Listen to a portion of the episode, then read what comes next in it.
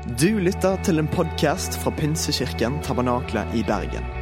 Vi tror at kirken skal være en plass hvor mennesker trives gjennom alle livets faser. En kirke for hele livet. Ønsker du å bli bedre kjent med oss eller holde deg oppdatert? Besøk vår Facebook-side eller ptb.no.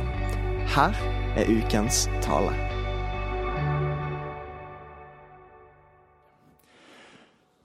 Misjon handler jo først og fremst om at Gud ga, og derfor så er vi kalt til å gi.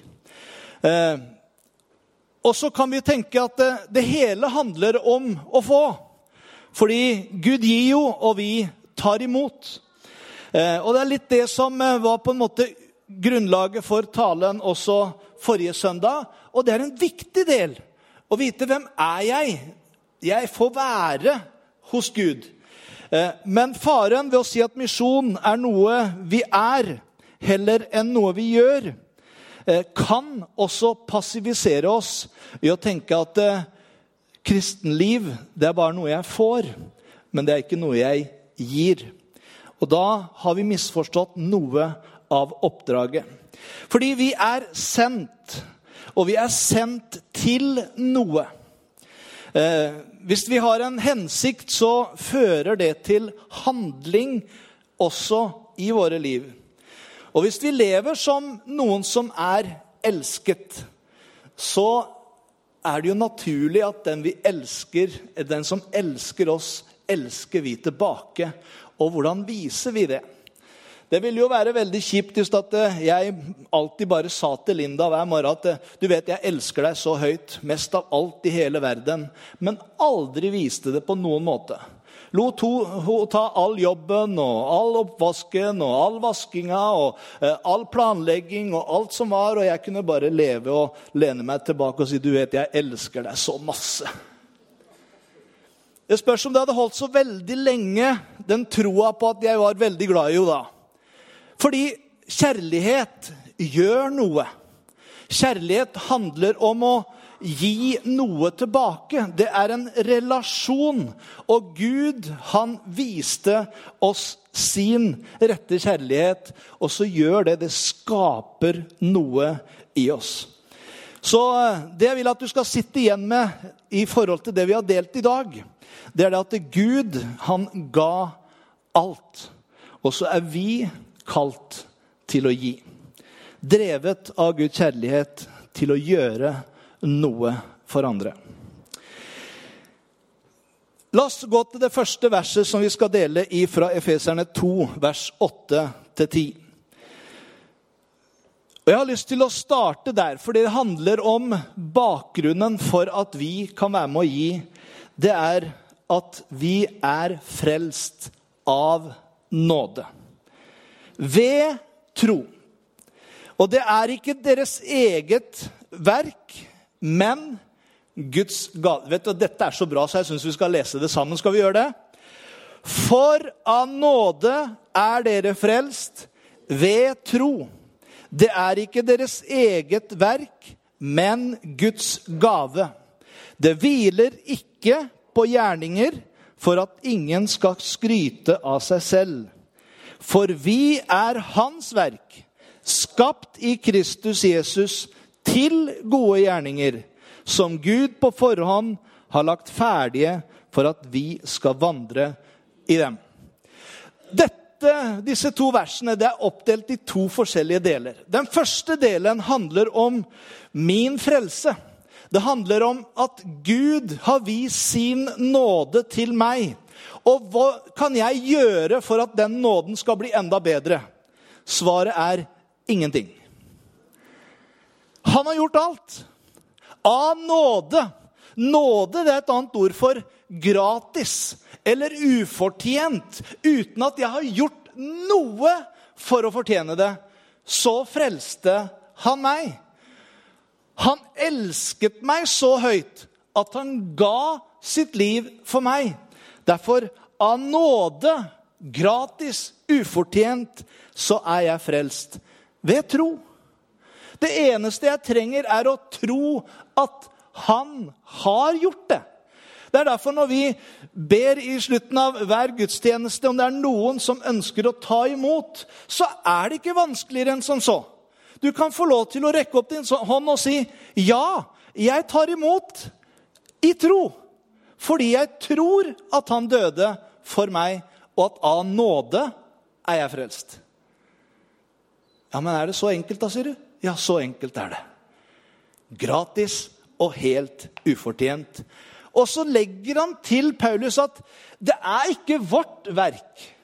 Vi kan jo av og til ha lyst til å pynte litt på nåden og si ja, men jeg ba jo veldig mye, da. Eller jeg, jeg leste veldig mye i Bibelen, og derfor så måtte jo Gud være veldig fornøyd med meg. Eller at jeg, jeg har jo gitt til de fattige på gata nå i flere år, og jeg har avsatt noe hvert eneste år til å invitert noen hjem. Og man kunne jo tenke at da gjør jo det at jeg blir jo mer frelst. Nei. Det er ingenting jeg kan gjøre for å bli bedre frelst enn det han allerede har gjort. Hva frelsen angår. Men så står det videre i neste vers at vi er hans verk. Vi er skapt i hans bilde. Vi er hans skaperverk. Og der kommer del to. Når jeg har trodd Jesus, og jeg har tatt imot hans nåde, så ligger det noe i hans DNA som ønsker å få del i meg. Fordi Gud er en giver. Han ga ufortjent av nåde. Så får jeg det DNA-et i meg. Og jeg får også lyst til å være med og gjøre noe. Ikke for å bli bedre frelst, men fordi jeg er frelst. Så ønsker jeg å gjøre noe godt tilbake med det som han har gitt. Jeg har uh, fått meg en ny bibel, og den anbefaler jeg deg. Det var dagens reklame. Den heter Hverdagsbibelen. Du får kjøpt den på Hermon. Er det noen flere som har kjøpt den? skjønner jeg? Det er noen som, ja. Eh, og Der syns jeg det sto så bra eh, noen vers som jeg av og til har syntes har vært litt vanskelig i Jakobs brev. Eh, fordi Paulus han snakker av nåde er dere frelst. og Så kommer Jakob og så sier han, det nytter ikke det. Vis meg din tro uten gjerninger. Så la oss lese det hva det står i Hverdagsbibelen. Hva hjelper det om noen sier han har tro, men ikke omsetter troen i praktisk handling? Kan troen frelse han?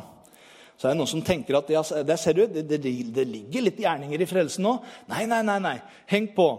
Hvis dere har en bror eller søster i menigheten som ikke har klær, og som hver dag er uten mat, hva hjelper det dem om dere sier Gud vil hjelpe deg. Kle på dere og spis mat. Slike ord vil jo ikke hjelpe. Dere må jo gi dem det de trenger. Slik er det også med troen. Hvis man ikke omsetter det man tror på, i praktisk handling, er troen død og meningsløs. Noen vil kanskje protestere og si tro er én ting, og handling er noe helt annet. Da svarer jeg at ingen kan tro uten at det fører til handling.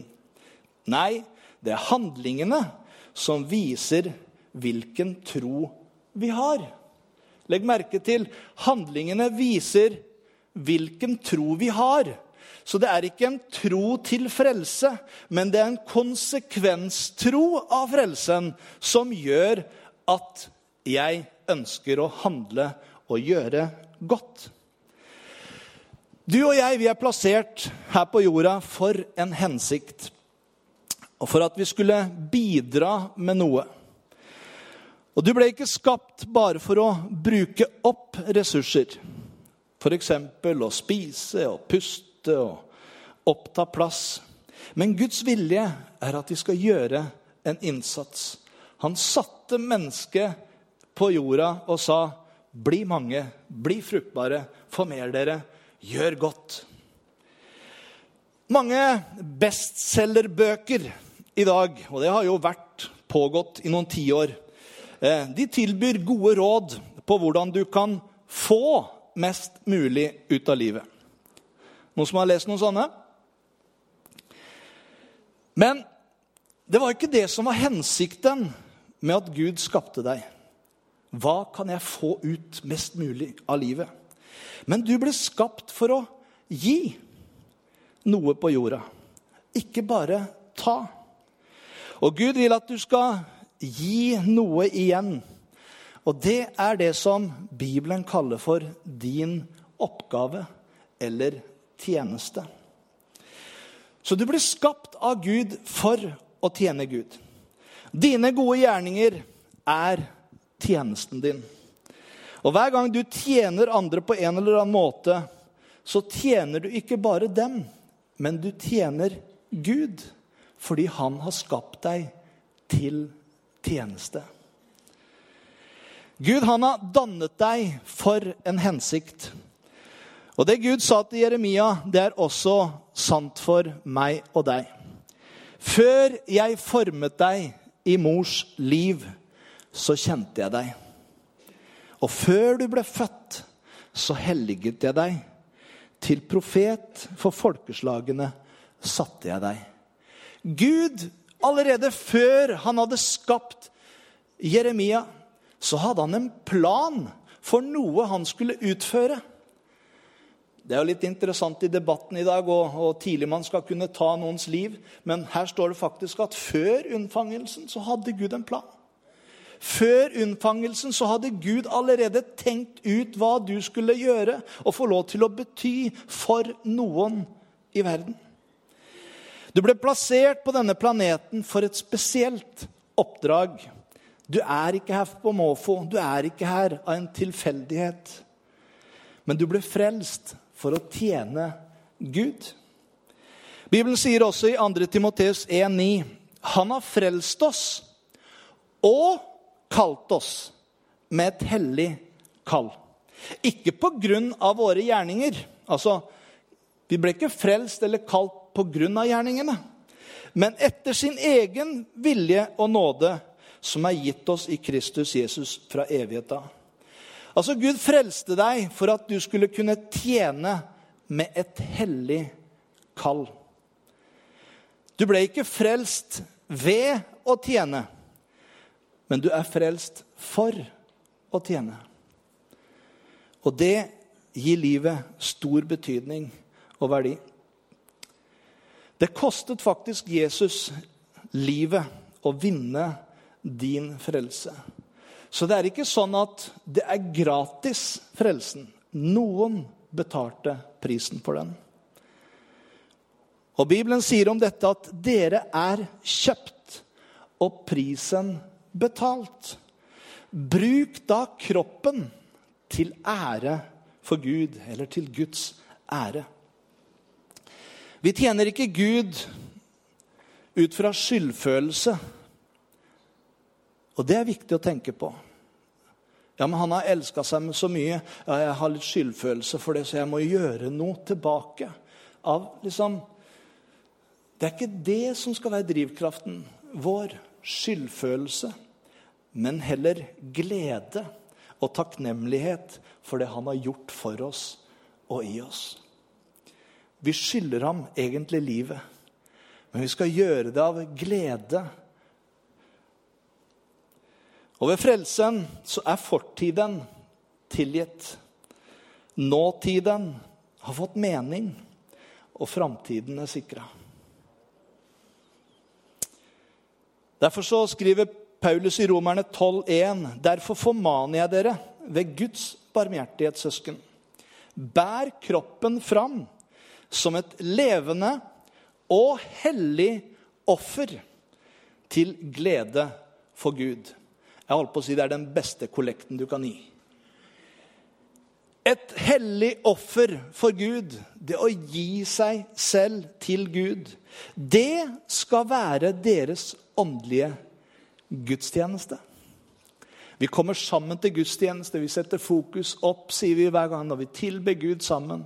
Men hele livet ditt, hele livet mitt, kroppen min, sjelen min, ånden min, alt som i meg er, som David sa. Love Hans hellige navn. Det skal være et offer, en gave. Noe jeg ønsker å gi tilbake fordi han ga alt til meg.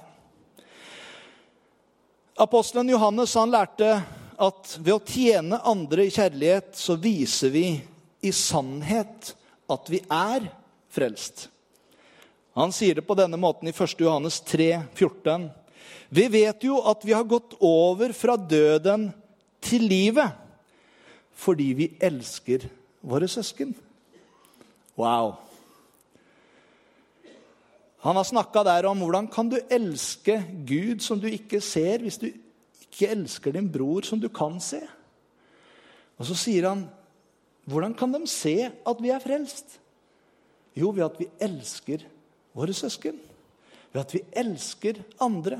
For Gud er kjærlighet. Og hvis hans DNA har flytta inn i oss, så vil hans kjærlighet også prege våre liv og også komme ut av våre liv.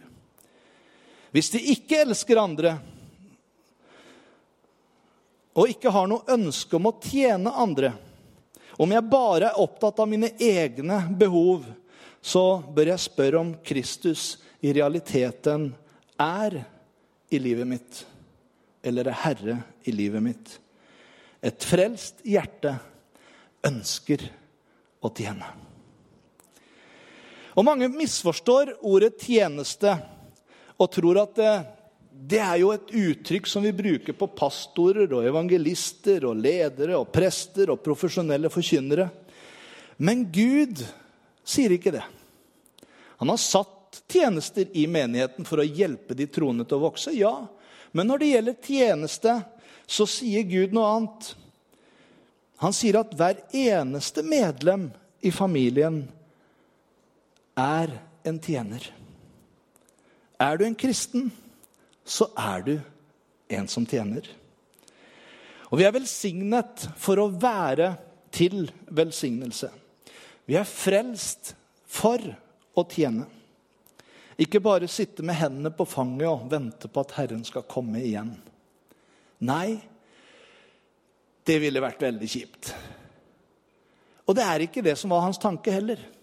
Hvis Vær med meg på dette. Hvis det var det som var hans tanke, å få frelst oss og få oss til himmelen så fort som mulig, så vil jeg jo tenke at eh, da burde han jo gjort et eller annet at med en gang jeg sa 'Ja, Jesus, jeg tar imot deg', så flytta jeg hjem.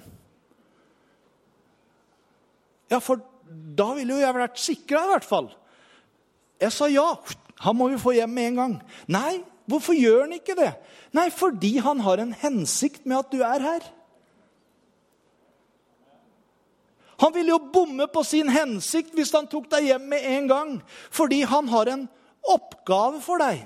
Han ønsker at du skal få lov til å være med og tjene.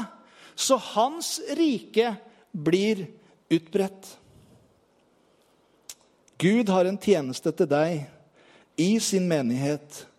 Og han har også et oppdrag til deg i verden som vi får lov til å leve i. Så du er kalt til å tjene Gud. I oppveksten så tenkte jeg, og kanskje du også, at eh, det å bli kalt det var bare noe for noen enkeltmennesker. Misjonærer, pastorer og andre fulltidsarbeidere i menigheten. Det var de som var kalt. Men Bibelen sier at alle kristne er kalt til tjeneste. Og kallet til frelse inkluderer kallet til tjeneste. De to er egentlig to sider av samme sak. Og uansett jobb eller karriere så er du fulltidskristen i fulltidskristen tjeneste. Kan ikke si at jeg, nå tar jeg av meg liksom tjenerkappa, nå er jeg på vanlig jobb, eh, og nå går jeg ut av vanlig jobb, så nå er jeg tilbake og er kristen igjen. Nei, du lever jo som kristen 24-7. Du er jo en kristen hele tiden. Enten du er på jobb, eller du er på skole, eller du er ute i marka og går, så er jo du Guds barn. Og du har en hensikt. Og det er mennesker overalt. og er, Du finner dem på de mest eh, holdt på å si, forlatte stedene av og til. Og har mulighet til å være med og tjene. Gud har en hensikt, og han har en plan for deg. Kallet til frelse, det inkluderer kallet til tjeneste. Jeg husker eh, For å ta en liten personlig vitnesbyrd på det når, vi, når jeg kjente liksom at Gud ønska at vi skulle tjene han i, å, å reise til Argentina Først var det jo til Paraguay som miljøarbeider. Og jeg, jeg, husker jeg slet veldig med dette her. Jeg ønska bare å leve for Gud og tjene Han. Men så skjønte jeg ganske tidlig at det med stedskall er ikke nødvendigvis det Gud legger liksom klart for deg. Noen har fått det og levd der hele livet og gjort en innsats på ett sted hele livet. Men for oss så ble det sånn at eh, Gud kalte oss og sa, 'Er du villig til å leve for meg hele livet?' 'Ja', sa jeg. Og så var det liksom da etterpå hvor. Ja, men det tar vi etter hvert. Og sånn har det vært egentlig med våre liv. Vi har vært i Paraguay, vi har vært i Bolivia, vi har vært tilbake igjen i Argentina, vi har vært liksom i Spania, eh, vi har vært i Norge. Og holdt på å si vi har vært misjonærer eller eh, tjenere uansett hvor vi har vært. Gud har leda oss forskjellige steder. Men det er ikke sånn at nå hopper jeg av og er ikke misjonær lenger. Nå hopper jeg av og er ikke tjener lenger. Men der hvor Gud har leda, så har vi fått lov til å være fortsatt i tjeneste. Fordi kallet er å tjene. Hvor du skal tjene, det kan være at det forandrer seg. Men det avslutter ikke din tjeneste fordi at du fullførte noen år på et visst sted. Nei, tjenesten fortsetter der hvor du er. Wow.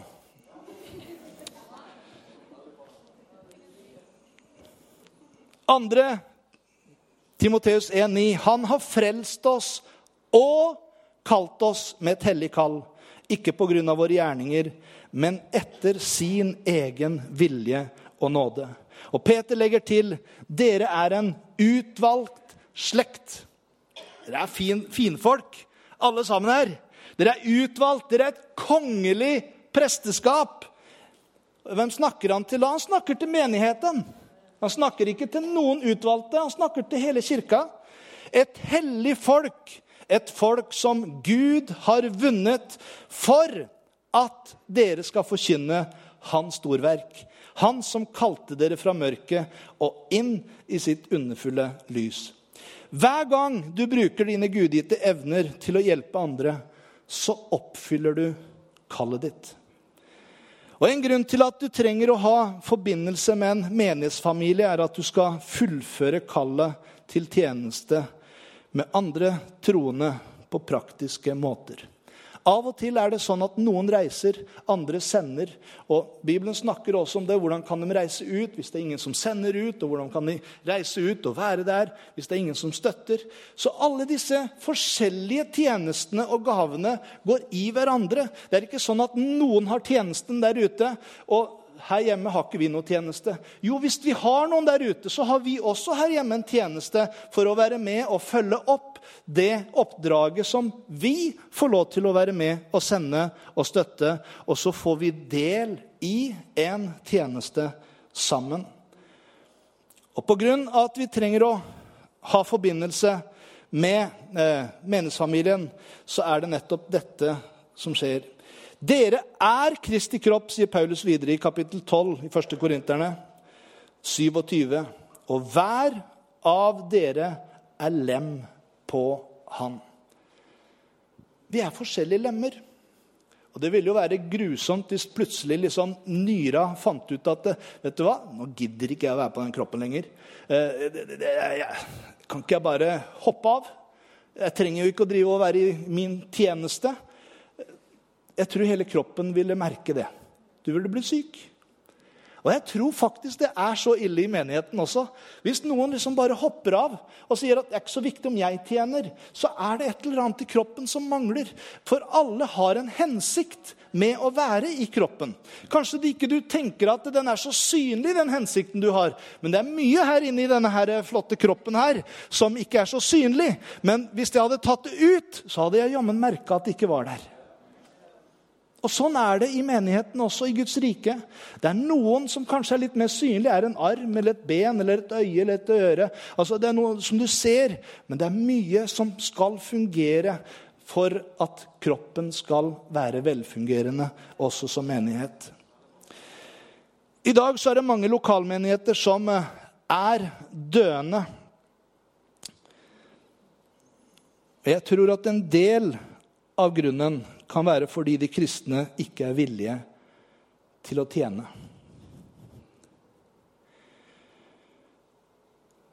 Man ønsker å sitte på sidelinja som tilskuere, og legemet lider. Jesus sa det klart og tydelig hvis du ønsker å være en leder, så må du betjene de andre. Dette er også en oversettelse fra Hverdagsbibelen som jeg liker godt. Og den som vil være den første, må bli den siste. På samme måte kom ikke jeg for å bli betjent av andre til Jesus. Jeg kom for selv å tjene og gi mitt liv som betaling for menneskers synder. Det med å på en måte være første i rangstigen er noe som vi av og til trekkes som mennesker etter å liksom få en synlig posisjon. Men Gud han gjør det på en måte motsatt. Han sier, 'Vil du være en leder, ja, da bli en tjener'. Den som leder, han er det i kraft av tjeneste. Og Det sterkeste beviset for det var når Jesus bøyer seg ned og vasker disiplenes føtter. Dere kaller meg herre og mester, men se hvilket eksempel jeg har gjort med dere. For kristne så er det ikke valgfritt å tjene. Noe vi skal sette på timeplanen hvis vi får tid til det. Men det er selve kjernen i kristenlivet. Og Jesus kom for å tjene og for å gi. Og disse to verbene skal prege også ditt og mitt liv på jorda. Det å tjene og gi, det summerer en av Guds hensikter med livet ditt.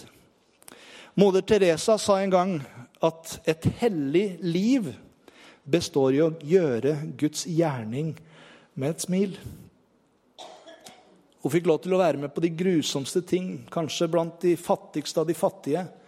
Men det som holdt henne oppe, var gleden i Gud og gleden av å få lov til å tjene. Jesus lærte at åndelig modenhet aldri er et mål i seg selv. Men vi modnes for å tjene. Og vi vokser opp for å gi. Og det er ikke nok å lære mer og mer. Av og til så kan man høre at ja, vi skulle hatt mer bibeltimer. Ja, vi skulle hatt enda mer eh, undervisning om disse og disse tingene. Og jeg tenker av og til kanskje vi skulle begynne å praktisere alt vi har lært først. Før vi går videre på det neste. For det er så mye vi vet, men som vi ikke gjør.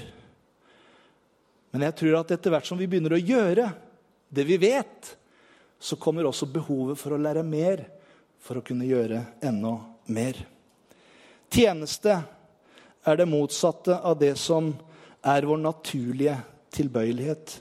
Det meste av tiden så er vi mer interessert i å bli betjent. At det er noen som serverer, at det er noen som gjør, at det er noen som stiller opp tidlig, at det er noen som varmer opp lokalet så jeg kan bare komme og sette meg ned. At det er noen som er der, som står ved døra og hilser meg velkommen når jeg kommer. Vi vil jo gjerne bli betjent. Og det er ikke bare i menighet, men det er også i samfunnet ellers. Så ligger det på en måte noe i oss, litt sånn storhet, at jeg vil bli tjent. Men kristen liv det handler om å tjene.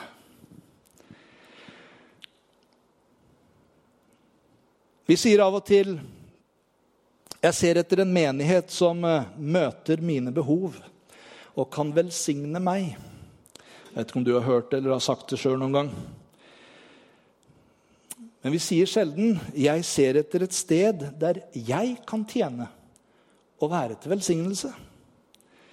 Vi venter på en måte at andre skal tjene oss, og ikke motsatt.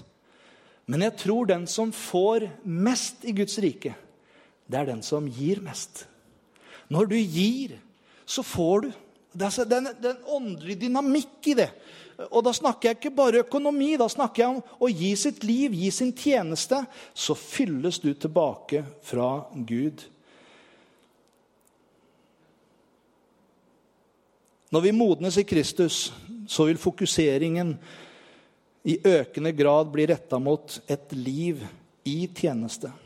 Og den modne Jesu etterfølger spør ikke lenger hvem skal møte mine behov. I stedet så begynner man å spørre er det noen behov jeg kan fylle. Når livet vårt her på jorda tar slutt, så skal vi en dag stå innenfor Gud. Og han kommer til å evaluere deg og se hvor godt du tjente andre med livet ditt. Bibelen sier så skal vi altså hver enkelt av oss avlegge sitt eget regnskap for Gud. Og tenk hva det vil si. En dag skal Gud sammenligne tiden og energien jeg brukte på meg selv, eller du brukte på deg selv, med den vi investerte i tjeneste for andre. Og På det stadiet så vil våre unnskyldninger for at vi var selvopptatte, lyde veldig hult. Jeg hadde det for travelt. Eh, jeg hadde mitt eget mål i livet. Jeg måtte følge det. Eller jeg var altfor opptatt med å arbeide, med å more meg eller med å forberede meg til pensjonstilværelsen. Gid Jeg tror Gud vil svare på alle disse unnskyldningene med dessverre feil svar. Jeg skapte deg, jeg frelste deg, og jeg kalte deg, og jeg befalte deg å leve et liv i tjeneste. Vi er bare fullt levende, tror jeg, når vi hjelper andre. Og Jesus sa for den som vil berge sitt liv, skal miste det. Men den som mister sitt liv for min og evangeliets skyld, skal berge det. Og Denne sannheten er så viktig at den gjentas fem ganger i evangeliene. Og Hvis du ikke tjener, så eksisterer du bare. For det er meningen med livet at du skal tjene. Gud vil lære oss å elske og tjene andre mennesker. Et vers til som vi deler sammen fra Romerne 12, fra Hverdagsbibelen. Vi er én kropp med forskjellige kroppsdeler. De forskjellige kroppsdelene har forskjellige funksjoner. Men til sammen utgjør vi én kropp, nemlig Jesu kropp på jord. På samme måte som kroppsdelenes forskjellige funksjoner tjener kroppen, slik skal også vi tjene hverandre. Når vi tjener sammen i Guds familie, så får livet vårt evig betydning.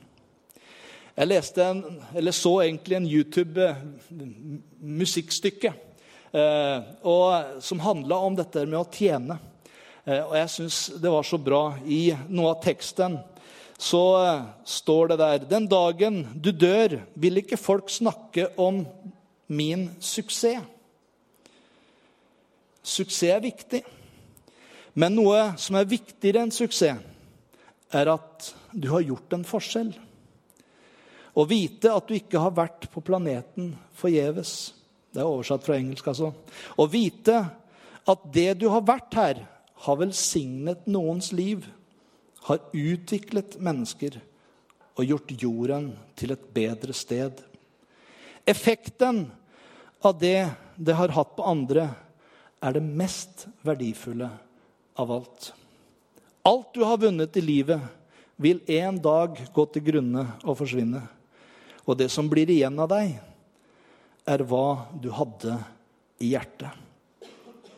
Livet er et speil, og livet gir oss ikke det vi vil ha. Livet gir oss det vi er. Når du ble født, så gråt du mens verden gledet seg. Lev livet på en slik måte at når du dør, vil verden gråte, og du fryde deg. Jeg syns det var vakkert sagt. At du har gjort noe i menneskers liv som gjør at de blir husket pga. din tjeneste. Som kirke så har vi en frimodig visjon. Vi ønsker å være et varmt fellesskap av Jesu etterfølgere som inspirert av Den hellige ånd tilber Gud og bringer håp til mennesker. Skal vi si det en gang sammen?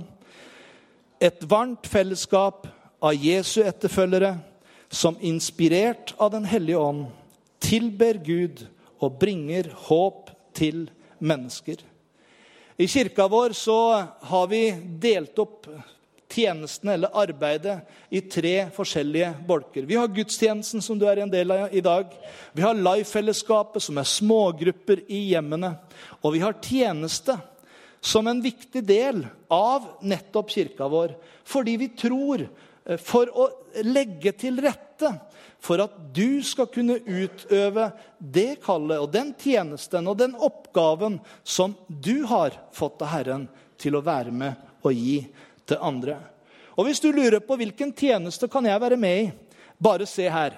Det er litt av hvert du kan være med på i kirka vår. Vi har i forhold til tjenester pastoralt lederråd, administrasjon, utleie, stab, vaktmester, vedlikeholdstjeneste, Pinsekirken Ungdom. Du hørte om at du kunne gå inn som vakt eh, her nede og få lov til å se det fantastiske som skjer. Vi har Royal Rangers, vi har eh, Barnekirken, vi har gospelklang, vi har life-grupper, vi har Radiate. Vi har formiddagstreff og besøkstjeneste og samtaletjeneste. Og du kunne sikkert skrive enda flere ned som ennå ikke er der. I forhold til produksjon Av og til så kommer jo, det er lyd og det er lys og det er forskjellig. Så har du forskjellig du kan være med på. Både av lys og skjerm og mediateam og dekorteam. Eh, I gudstjenesten så er det så mye som skjer også i forhold til lovsangsteam og musikkteam, forbønnsteam, vertskap, info og brannvakt er innafor der. Eh, kirkekaffeteam og kaffedral og tolketjeneste som vi har i gudstjenesten vår. Og Så kunne vi ta det videre i forhold til det globale eller lokale arbeidet eh, som har med misjon både nært og fjernt. Misjonsleder, misjonærer, bistand, prosjekter, misjonsteam. Eh, Misjonsbasaren som vi har hvert år, som samler inn midler til fattige. Eh, vi ønsker å ha misjonsturer med mer. Misjonsforeningen jobber iherdig i forhold til å be for misjonærer og arbeide for dem. Menighetsplanting, evangelisering. Og så har jeg satt to under der også. Vi har Substans, og vi har også Evangeliesenterets kontaktkafé i Bergen. Her er det masse du kan være med og gjøre for Gud i en eller annen av disse tjenestene. Og jeg holdt på å si har du noen flere tjenester du vil opp med? Så kom med det. Gå i bresjen for det.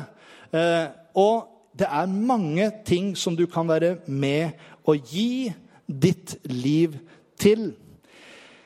I 2. Eh, Korinterbrev 8, jeg går for landing nå, så står det at de ga etter evne, ja, over evne. Og frivillig, det kan jeg bevitne, sier Paulus. De ga seg selv. Først til Herren, og så til oss, slik Gud vil det.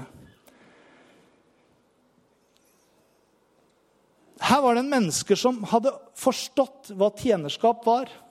De skulle gjøre en innsamling til de fattige i Jerusalem, men de skjønte her handler det ikke egentlig bare om mine penger, men det handler om mitt liv, min tjeneste, min hensikt. Og hvis jeg forstår min hensikt i hvorfor jeg er her, så er også min økonomi og min velstand og det Gud velsigner meg med, er en del av den tjenesten som jeg får lov til å være med i.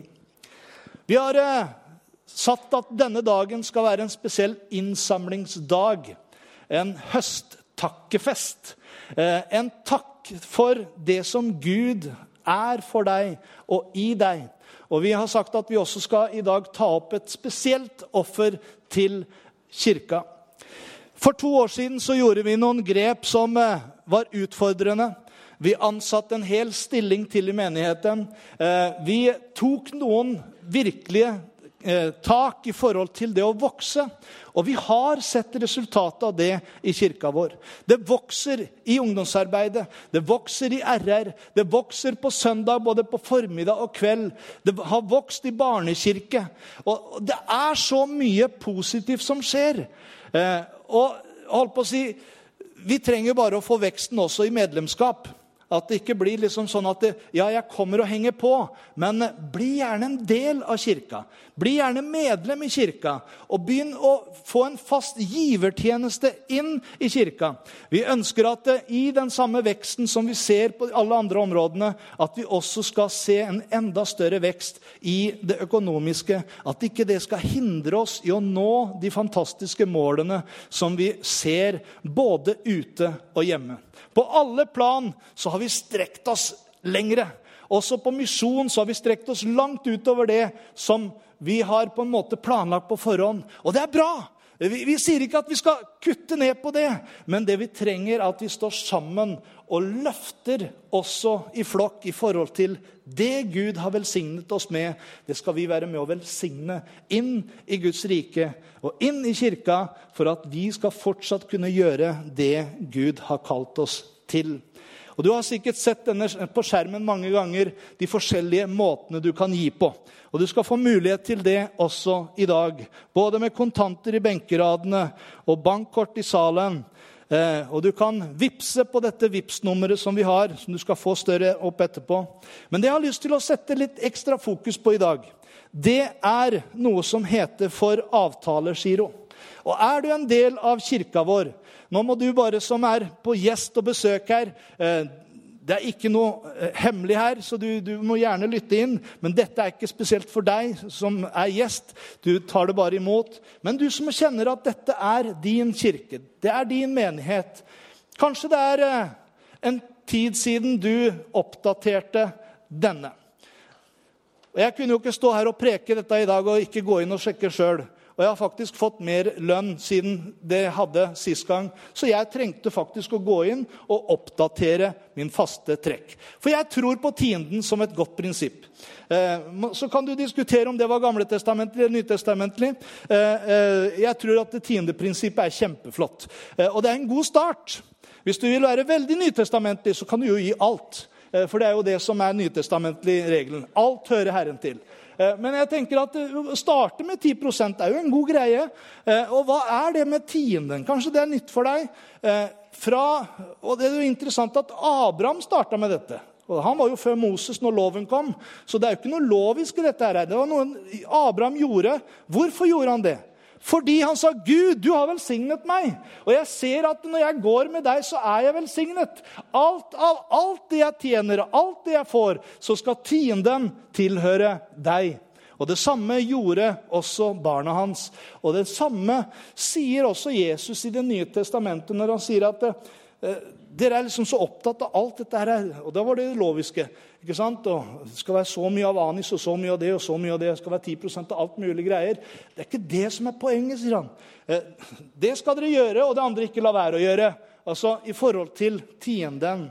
Og Jeg har lyst til å oppmuntre deg til det. Hvis du ikke har tenkt på det, eller gjort det ennå, så har jeg lyst til å utfordre deg. Og Hør dette verset i Malakias 3,10. Kom med hele tienden til forrådskammeret. Og jeg tror det er menigheten der hvor du får av Guds ord, og der hvor du sammen får lov til å tjene. Så det finnes mat i mitt hus. Og hør På denne måten Var det ikke mer lyd? Jo. Prøv meg på denne måten, sier Herren over herskarene. Jeg skal sannelig åpne himmelens sluser og øse utover dere velsignelse uten mål. Jeg syns det er et fantastisk bra løfte fra Herren. Og jeg får lov til å vitne om at vi aldri har mangla noen ting. Det er ikke sånn at vi alltid har hatt overflod av alt, men vi har aldri mangla noe. Gud har alltid velsigna, så vi har hatt det vi har trengt hele livet. Vi har aldri blitt fattige av å gi til Herren. Enten det er ditt eget liv, din tjeneste, dine evner eller dine midler. Og Jeg har lyst til å utfordre oss sammen som kirke i denne høsttakkefesten. Det er jo litt sånn motsatt eh, det vi gjør her i dag. Eh, hvor Black Friday handler om å ut og kjøpe og ut og investere i, i, i mitt til meg. Men dette handler om å være med og investere inn i Guds rike. Det vi er kalt til, det vi er en del av. Og det som gjør at mennesker som ennå ikke har hørt og opplevd hans kjærlighet, fortsatt kan få lov til å ta imot. At barn kan få lov til å bygges inn i en kirke hvor de får verdier som er Guds tanker og verdier. Og jeg har lyst til å utfordre deg, og du skal få lov til å gi akkurat nå. Eh, vertskapet gjør seg klar. Men jeg har lyst til å si deg at hvis du trenger å gjøre om. Eller kanskje du ikke har fast trekk i måneden. Så når det blir kollekt nå, og noen reiser seg for å gi i bankterminal eller gi på andre måter, så vil det stå folk bak i infostanden også og gi deg et slikt skjema. Du som ønsker å gå inn på fast trekk i måneden, jeg syns det er veldig deilig, så vet jeg at det trekkes hver eneste måned av min lønn inn i kirka, og jeg trenger ikke å tenke på det. Så kan jeg få lov til å bare gi ekstra eh, når jeg kjenner det. Men jeg vet at det faste, det trekkes hver måned. Så jeg har lyst til å utfordre deg på det. Du skriver da, Hvis du er ny, så skriver du navnet ditt både oppe og nede eh, på disse to skjemaene. Du skriver personnummeret ditt, og du skriver også hvor mye du ønsker å gi. Og Jeg har lyst til å bare påpeke en liten feil som jeg bare merka her. Eh, det står at du gir til Pinsekirken Tabernakle menighet, barn og ungdom. Og innenfor menighet så ligger også misjon. Jeg har lyst til å bare si det, så Om du har lyst til å skrive det ved siden av, så gjør gjerne det. Men i den pakka så har vi også av det som du gir til kirka, så gir du alltid til misjon, også i det du er med og gir. Så om du gir fast trekk hver måned, så vet du det at så og så mange prosent, jeg tror jeg er rundt 30% som gis inn i misjon også av alt det du gir. Så på en måte så er det ivaretatt, og du får lov til å oppleve velsignelsen. At du får tjene, og du får gi til Herren på denne måten. Herre, jeg takker deg for alt det du har gitt til oss. Takker deg for din godhet, takker deg for din omsorg.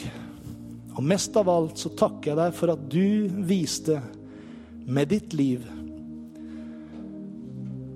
at du elsket oss så høyt at du var villig til å gi. Ikke bare tid og krefter, men du ga deg selv for oss. Og så har du gitt oss et eksempel om at vårt liv her på jorda har en hensikt, har en guddommelig plan Takk at vi skal få lov til å være her og finne vår rolle. Finne og spør deg, Herre, hva er det du har tenkt med mitt liv? Og Jeg takker deg for at du allerede har lagt ned både talenter og gaver og evner som vi får lov til å tjene deg med. Og Mange ganger så er det vårt kall. Og Jeg takker deg for at du skal hjelpe oss å være åpne for deg og din ledelse i hvordan vi skal få lov til å tjene. Både i kirka her og ut fra denne kirka også til resten av verden. Takker deg for misjonærer vi har ute. Takker deg for hver eneste leder eh, og medleder som gir av sin tid og krefter her. Takker deg for alle, både i forskjellige vertskapstjenester og tekniske tjenester og alle forskjellige tjenester.